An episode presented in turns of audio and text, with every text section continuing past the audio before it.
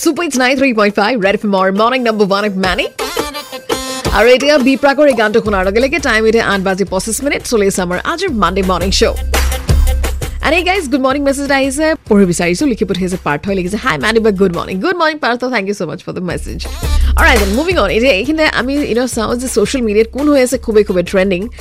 বলিউডৰ পৰা আৰু সেই আমি চেক কৰোঁ সদায় ৰেড ট্ৰেডমিলত চ' লেটছ ফাইন আউট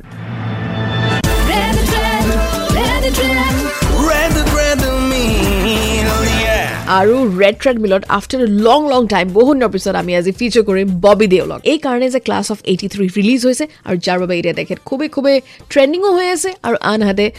ৰিভিউজো পাই আছে ক্ৰিটিকেল বাৰু যাৰ কাৰণে আজি আমি ফিচাৰ কৰিছোঁ নান আদাৰ দেন ববি দেওলক আফটাৰ লং টাইম ৰেড ট্ৰেড মিলত অলৰাইট দেন মুভিং অন এতিয়া আহি আছে আপোনাৰ কাৰণে বঢ়িয়া ছুপাৰ হিট গান চ' প্লে কৰোঁ এতিয়া এনজয় কৰক। চলিছে আমাৰ আজিৰ of course the Monday morning show' মেডি ষ্টুডিঅ'ৰ পৰা live nine three point five red M বজাতে ৰহো।